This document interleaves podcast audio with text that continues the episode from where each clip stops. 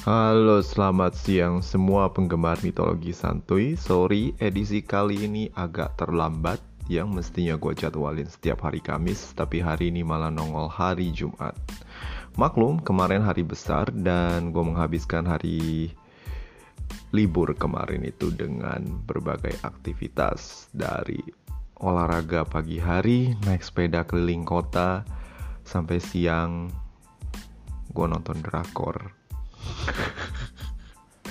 nemenin bini gue anyway eh, jika kalian para pecinta drakor gue sih sendiri juga bukan pecinta drakor cuma karena menemani istri tercinta. Satu drama yang paling bagus menurut gue Reply 1988 ceritanya kocak um, gue demen sama lead cast uh, utamanya Hieri yang menurut gue ekspresif banget dan kocak Anyway, um, karena gue kehabisin waktu di sana dan malamnya gue pergi, akhirnya gue agak telat dalam membuat podcast lanjutan dari mitologi santuy. Tapi hari ini jangan khawatir, episode hangat dan terbaru dari mitologi santuy segera Anda nikmati. Hahaha.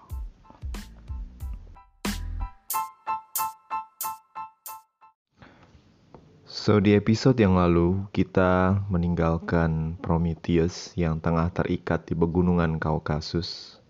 Dihukum oleh Zeus karena telah mencuri api dari Olympus dan memberikannya kepada manusia. Zeus yang marah dan keinginannya yang tidak dapat disangkal oleh siapa pun pergi meninggalkan Prometheus dalam keadaan yang begitu memprihatinkan. Sang raksasa kedua tangannya terikat oleh rantai adamantium dan setiap siang datang seekor burung nasar raksasa akan turun dan mengoyak isi perutnya serta memakannya. Suatu penderitaan yang sangat tidak dapat dipahami oleh seorang titan yang begitu baik terhadap umat manusia. Prometheus ini memiliki kemampuan untuk melihat masa depan setiap orang yang melihat bagaimana sahabat sejati manusia ini menderita selalu merasa sedih.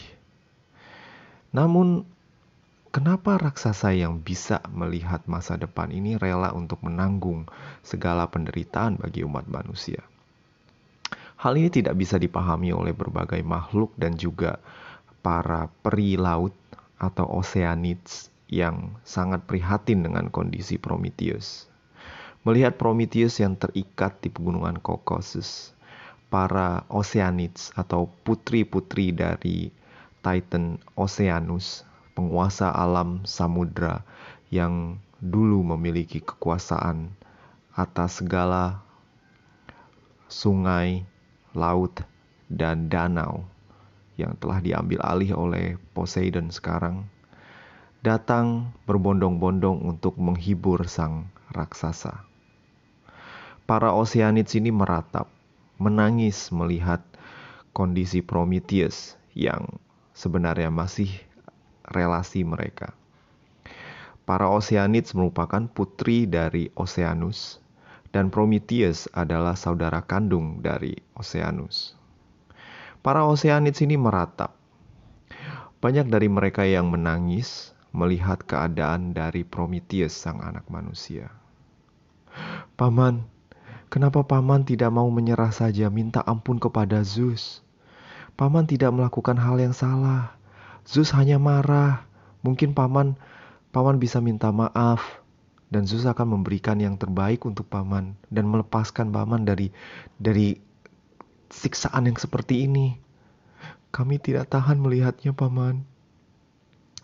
Prometheus yang sudah membulatkan hatinya dan juga memiliki gengsi yang kuat. Tidak pernah menjawab apa pun dari para Oceanids yang menangis. Ketika suatu saat para Oceanids ini terus menangis dan meraung, Prometheus hanya berkata, "Anak-anakku, aku memilih dihukum bukan karena aku bersalah. Asal kamu tahu, aku tidak bersalah dalam perkara ini. Aku hanya terlalu mencintai manusia, dan aku ingin memberikannya suatu pemberian supaya mereka bisa bertahan melawan apa pun juga. Namun, Zeus yang juga turut serta dalam penciptaan manusia menganggap kalau tindakanku lancang dan beliau begitu takut terhadap kemampuan manusia yang kami ciptakan bersama itu. Ah, kurasa dia hanya salah mengerti. Atau mungkin dia takut akan satu hal yang belum bisa kukatakan kepadanya dan mungkin tak akan kukatakan kepadanya. Salah satu dari Oseanis itu bertanya, "Apa paman?" Apa rahasia yang tidak ingin kau ungkapkan kepada Zeus? Mengapa engkau tidak mengatakannya saja biar kau dibebaskan? Prometheus hanya menghela napas dan melihat ke angkasa. Seekor burung elang kembali datang, dan ia tahu siksaannya hari ini telah tiba. Keesokan harinya, seorang raksasa besar dengan jenggot yang putih dan mengendarai kuda, kereta kuda berwarna putih juga, sampai di pegunungan Kaukasus. Raksasa ini merupakan penguasa alam samudra di masa lalu. Oceanus yang tidak tahan dengan tangisan para putrinya datang untuk menemui Prometheus. Saudaraku Prometheus, apa yang terjadi padamu? Mengapa engkau begitu menderita sekarang? Apa salahmu kepada Zeus? Aku tidak bersalah apa pun. Aku tidak melakukan hal yang salah di mataku. Karena cinta dan kasihku kepada manusia, maka aku di sini. Aku dihukum karena aku terlalu mencintai mereka. Tapi kau bisa menjelaskan kepada Zeus. Beritahukan kepada dia kalau dia telah melakukan hal yang salah. Engkau tidak mencuri, engkau hanya memberikan. Engkau hanya memberikan api, pemberian untuk manusia agar manusia bisa bertahan. Manusia itu juga ciptaan Zeus, Prometheus. Kamu kan tinggal bilang, Mungkin kamu tidak bicara terlalu banyak kepada dia, mungkin dia tidak mengerti. Ingat, dia kan temanmu juga. Dari dulu aku melihat kamu bermain bersama dia. Dari saat ketika dia masih kecil, kamu sudah membimbingnya dan bermain bersama di padang Gunung Trace. tak ada yang bisa mengubah keputusan Zeus, saudaraku Oceanus. Sudah, biarkan aku pergi ke atas sana. Biarkan aku pergi ke gunung Olympus. Biarkan aku berkata kepada Zeus untuk memaafkanmu, melepaskanmu dari siksaan yang begitu kejam ini. Saudaraku Oceanus, jangan begitu. Jangan, jangan kau pergi ke sana. Kau tahu sendiri, begitu galak dia. Salah-salah, dia akan melemparkan halilintarnya kepada engkau dan lenyaplah dirimu saat itu juga. Ingat, keputusan sang Raja Dewa tidak bisa dibantah. Tak akan ada sesuatu yang bisa menghalangi keinginan beliau. Kata-katanya dalam mutlak. Ah, bodoh amat. Aku tidak tahan melihatmu di sini. Kalau aku pergi ke sana dan aku tidak kembali, aku rela mati untukmu. Mati untuk kamu. Tidak masalah. Kau saudaraku, dan aku harus menembus kekejaman ini. Prometheus merasa sedih karena Oceanus begitu memperhatikan dirinya. Lalu Oceanus pergi ke Olympus, walaupun walaupun Prometheus sudah mengatakan bahwa usahanya akan sia-sia. Dengan kemampuannya untuk melihat masa depan, Prometheus sudah melihat bagaimana Zeus menolak untuk bertemu dengan Oceanus. dan Oceanus akhirnya kembali tanpa menghasilkan hasil apa pun, dan begitu malu untuk bertemu dengan Prometheus. Oceanus pergi ke dalam lautan dan bersembunyi. Perlahan, dalam kesedihannya, beliau terus meminta para Oceanids untuk menemani Prometheus sampai akhirnya, sampai akhir penderitaannya di suatu saat nanti. Sementara itu di Olympus, Zeus meminta Hermes untuk mengunjungi Prometheus. Hermes diperintahkan untuk bertanya kepada Prometheus yang mampu melihat masa depan tersebut untuk memberitahukan rahasia, suatu rahasia penting yang mungkin dapat membebaskannya dari ancaman siksaan alang yang begitu kejam setiap hari selalu menyiksanya. Secepat kilat Hermes meluncur ke pegunungan Kaukasus dan dengan sandal terbangnya beliau melayang-layang menatap Prometheus seolah meledek. Hai raksasa yang bisa melihat masa depan, apakah engkau melihat bahwa aku akan datang mengunjungimu? Melihat Hermes yang tengah seliuran ke sana ke sini kayak bajai. Prometheus berkata, "Hai putra Maya, apa maumu ke sini? Ketahuilah, aku tahu kalau apa pun yang kau pinta tidak akan kuberikan. Ah, Prometheus kau begitu keras kepala. Zeus datang kepadaku dan memberitahukan kalau kau, Prometheus, mau memberitahukan siapa wanita yang akan melahirkan anak bagi Zeus dan kemudian anak itu akan menumbangkan kekuasaannya. Beritahu ke saya, beritahu aku siapa orang itu, siapa wanita itu, agar Zeus dapat menghindari petakannya di masa depan. Maaf, putra Zeus. Pertanyaanmu, aku tahu. Jawabannya, aku tahu. Namun, Aku tidak akan memberitahumu. Aku tidak akan memberitahu Zeus. Biarlah dia menderita dengan rasa ingin tahunya.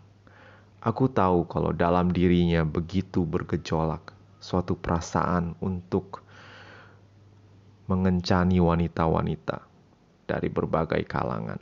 Namun, hasrat tersebut juga berdiri berdampingan dengan rasa takutnya akan keturunannya sendiri. Aku tahu para horai, para dewi nasib juga sudah menggariskan pada suatu saat nanti anaknya akan menjatuhkan kekuasaan raja para dewa. Lancang kau Prometheus. Lancang kau. Kau harus tahu bahwa para manusia yang diciptakan olehmu dan Zeus merupakan makhluk piaraan kami. Mereka tidak lebih baik daripada para kambing atau para lumba-lumba atau binatang peliharaan lain dari para dewa. Mereka hanya ciptaan, dan kau jatuh cinta pada ciptaanmu sendiri dan berani mencuri untuk mereka. Kau begitu menjijikkan, Prometheus. Hermes, pergilah dari sini. Melihatmu saja aku sudah menjijik. Dan aku tahu aku tidak akan menjawab apa pun dari pertanyaanmu. Pergi kau. Hermes menyadari bahwa apa pun yang akan dia lakukan, lidahnya yang begitu fasih dalam mengucapkan kata-kata bujukan tidak akan bisa mengubah pendirian dari raksasa ini. Prometheus pun lalu pergi meninggalkan sorry, bukan Prometheus. Hermes pun lalu pergi meninggalkan Prometheus. pergi kembali ke Gunung Olympus dan melaporkan apa yang telah dia dapat dari Prometheus. Zeus yang marah karena reaksi Prometheus yang arogan, lalu menambah permasalahan baru untuk Prometheus. Dengan kilatnya Zeus menyambar batu yang mengikat Prometheus. Alih-alih membebaskannya, batu ini malah turun jatuh ke dalam lubang tak berdasar Tartarus. So be it. Setiap malam batuan ini akan jatuh ke Tartarus. Tartarus adalah neraka tak berdasar yang terus turun tanpa mendapatkan dasar sampai bertahun-tahun lamanya. Dan ketika siang datang, ketika Apollo mulai menunggangi kereta bersinarnya dari timur ke barat. Batuan ini kembali naik ke pegunungan Kaukasus dan siksaan oleh elang yang akan terus memakan isi perut dari Prometheus berlanjut. Prometheus tidak bisa menikmati waktu untuk beristirahat. Siksaannya siang dan malam ini terus dijalani selama bertahun-tahun. Sungguh, Prometheus, tidur pun tidak bisa, apalagi bisa mendapatkan kelepasan dari penderitaan ini. Oh, Om Prometheus, kenapa kamu jadi begini? Siang kamu dimakan elang, malam kamu jatuh ke Tartarus. Kapan kamu bisa hidup dan juga menikmati kebahagiaan? Kenapa begitu kejam Zeus? Kata salah satu Oceanids yang tidak pernah meninggalkan penderitaan dari Prometheus siang dan malam. Prometheus dengan tabah dan tegar terus bertahan dalam kondisinya. Jangan menangis, para keponakanku yang tersayang.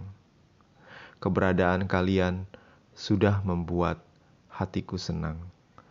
Suatu oase di tengah gurun pasir penderitaan ini. Suatu hiburan yang akan terus membuatku hidup walaupun ragaku mati. Suatu saat nanti akan datang seorang pembebas yang akan melepaskan aku dari sini. Aku sudah melihat.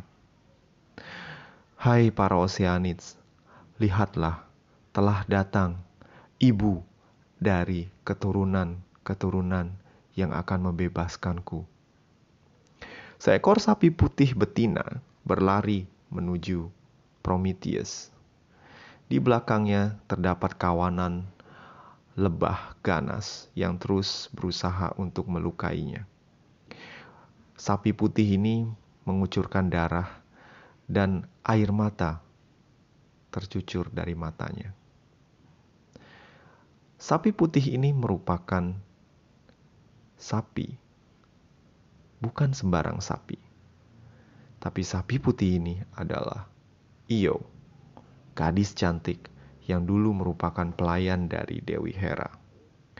So, singkat cerita, Io yang cantik jelita kemudian ditaksir oleh Zeus yang melihatnya ke tengah berada di Pulau Samos. Zeus yang menyamar menjadi awan lalu menghampiri Io dan menutupinya serta menyetubuhinya. Hera yang penasaran dengan awan tebal dekat kuilnya, lalu turun dan mendapati Zeus sedang bersama seekor sapi putih. Ternyata, sebelum Hera tiba, Zeus sudah mendapatkan informasi dari angin bahwa Hera telah mengetahui apa yang dia lakukan untuk melindungi Io dari serangan kemarahan Hera yang selalu cemburuan Io lalu diubah menjadi seekor sapi putih, alih-alih untuk menipu Hera. Ternyata Hera yang sadar bahwa ada sesuatu yang salah dengan sapi ini, lalu meminta Zeus untuk memberikan sapi itu ter kepada Hera. Hera yang memiliki kemampuan untuk melihat wujud asli dari wanita ini sengaja bermain-main dengan ayah, dengan Zeus. Sapi ini kemudian diberikan oleh Zeus dan Zeus terus memikirkan cara untuk membebaskan sapi ini. Namun yang terjadi adalah Hera mengurung sapi ini dan kemudian meminta raksasanya yang bermata seratus untuk menjaga. Di kemudian hari, Zeus mengirim Hermes untuk menaklukkan raksasa tersebut dan membebaskan Io. Io yang masih berbentuk sapi putih kemudian berlari dan dikejar oleh rombongan lebah yang terus melukainya. Rombongan lebah ini dikirim oleh Hera. Sampai suatu saat ketika Io berlari sampai ke pegunungan Kaukasus, Prometheus lalu berkata kepada Io yang begitu meratapi nasib malangnya.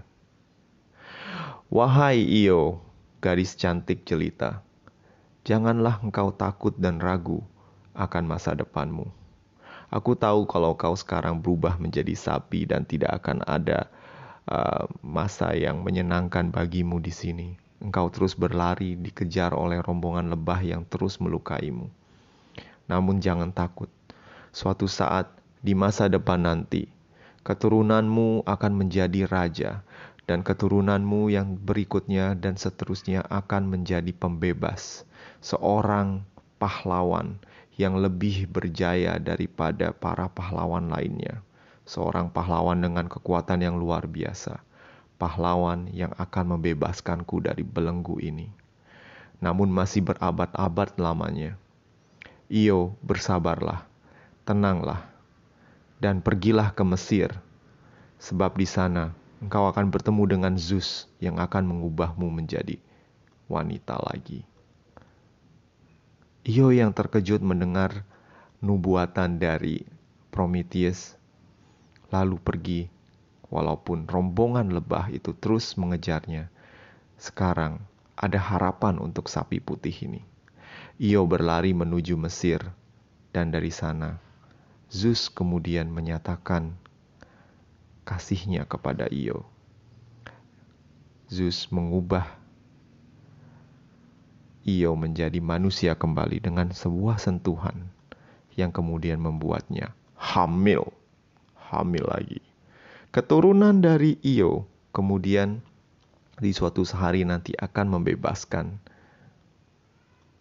Prometheus dan ini belum diketahui oleh Zeus. Prometheus dari hari ke hari, dari tahun ke tahun, semakin menerima apa yang telah terjadi padanya. Hatinya terhibur oleh setiap kabar yang disampaikan oleh para Oceanids yang selalu memberikannya berita tentang perkembangan manusia. Salah satu Oceanids berkata bahwa manusia semakin maju berkat api yang diberikan oleh Prometheus kepada mereka. Para manusia belajar mengolah tanah dan juga membuat senjata dari logam dan berbagai keterampilan yang dulu dia ajarkan bersama kakaknya, Epimetheus. Prometheus senang karena setiap peradaban manusia kemudian mendatangkan suatu berkah dari para dewa. Para dewa yang tadinya tidak mengacuhkan para manusia, kemudian mulai peduli dan juga hidup bergaul dengan manusia. Manusia yang juga sadar bahwa mereka tidak dapat hidup tanpa berkah para dewa, memberikan berbagai persembahan dan juga memohon doa dan restu dari para dewa, hal-hal yang menyenangkan para dewa. Zeus pun sudah mulai berubah pandangannya terhadap manusia. Dari makhluk ciptaan dari tanah liat yang hina, Zeus mulai menganggap manusia adalah suatu makhluk ciptaan tertinggi yang pernah mereka buat. Zeus juga terkadang jatuh cinta dengan para manusia, dengan gadis-gadis manusia yang cantik, dan menghasilkan begitu banyak keturunan. Hal yang juga dilakukan oleh dewa dan dewi yang lain. Suatu saat, dari kejauhan, seorang pria dengan kulit singa bersenjatakan gada berjalan dan menatap pegunungan Kaukasus. Para Oseanids yang menyadari bahwa pria ini adalah Hercules lalu berseru kepada pria yang tampak bingung tersebut. Hercules ternyata adalah member dari Jason dan Argonauts, suatu misi yang diketuai oleh Jason, salah satu pahlawan yang direstui oleh Hera. So Jason pergi ke pegunungan Kaukasus untuk mencari kulit domba emas. Namun um, dalam perjalanan, para pahlawan yang ikut serta bersama Jason ini berhenti di satu kota dan Hercules salah satunya pergi ke dalam pegunungan dan berusaha mencari ternak atau mungkin binatang buruan dan beliau nyasar. Dan ketika kembali ke pelabuhan, Jason dan kawan-kawan sudah meninggalkan Hercules. Hercules yang kebingungan lalu pergi memutuskan untuk you know, I mean like sekarang saya lagi di Caucasus, jadi jalan-jalan ya deh. Dengan senjata gadanya, beliau menumpas berbagai monster dan akhirnya sampai di pegunungan Kaukasus ketika dipanggil oleh para Oceanids. Para Oceanids yang sadar bahwa pembebas dari Prometheus sudah tiba dan sekarang saatnya Prometheus bisa bebas. Dipanggilnya Hercules dan Hercules yang memang suka sekali dipanggil Hercules, Hercules. Lalu datang menyampiri para Oceanids yang kemudian mengarahkannya kepada Prometheus. Tertegun melihat raksasa yang terikat di atas satu batuan atau bukit yang terjal, Hercules menatap dan melihat, "Ya ampun, apa yang terjadi ini? Kenapa ini raksasa tiba-tiba diikat di sini? Kejam sekali. Sungguh jahat. Siapa yang melakukan ini?" Dari kejauhan datanglah sebuah elang, seekor elang yang you know, tugas sehari-harinya adalah mengoyak isi perut Prometheus, lalu terbang dan berusaha menyerang Prometheus lagi. Hercules yang sigap lalu mengambil panahnya dan membidik anak panahnya yang sudah berlumuran racun Hydra itu dan memanah sang elang bagaikan kue ceng dalam seri Legend of the Condor Heroes. Panah tersebut menembus dada dari elang raksasa yang jatuh dan tewas seketika keracunan. Prometheus sangat berterima kasih terhadap bantuan dari Hercules. Hercules yang merasa untuk melakukan suatu kebajikan tidak boleh setengah-setengah, lalu menggunakan gadanya untuk menghancurkan rantai adamantium buatan Hephaestus. Ketika dipukul, tentu saja rantai ini tidak mudah untuk dipatahkan.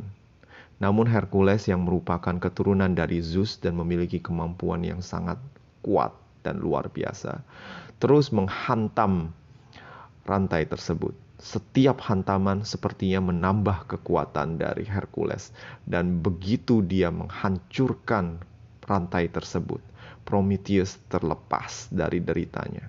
Prometheus untuk pertama kalinya bisa berdiri di atas kedua kakinya dan merentangkan tubuhnya yang sudah dipajang selama bermilenia-milenia tersebut. Prometheus bebas Prometheus pergi.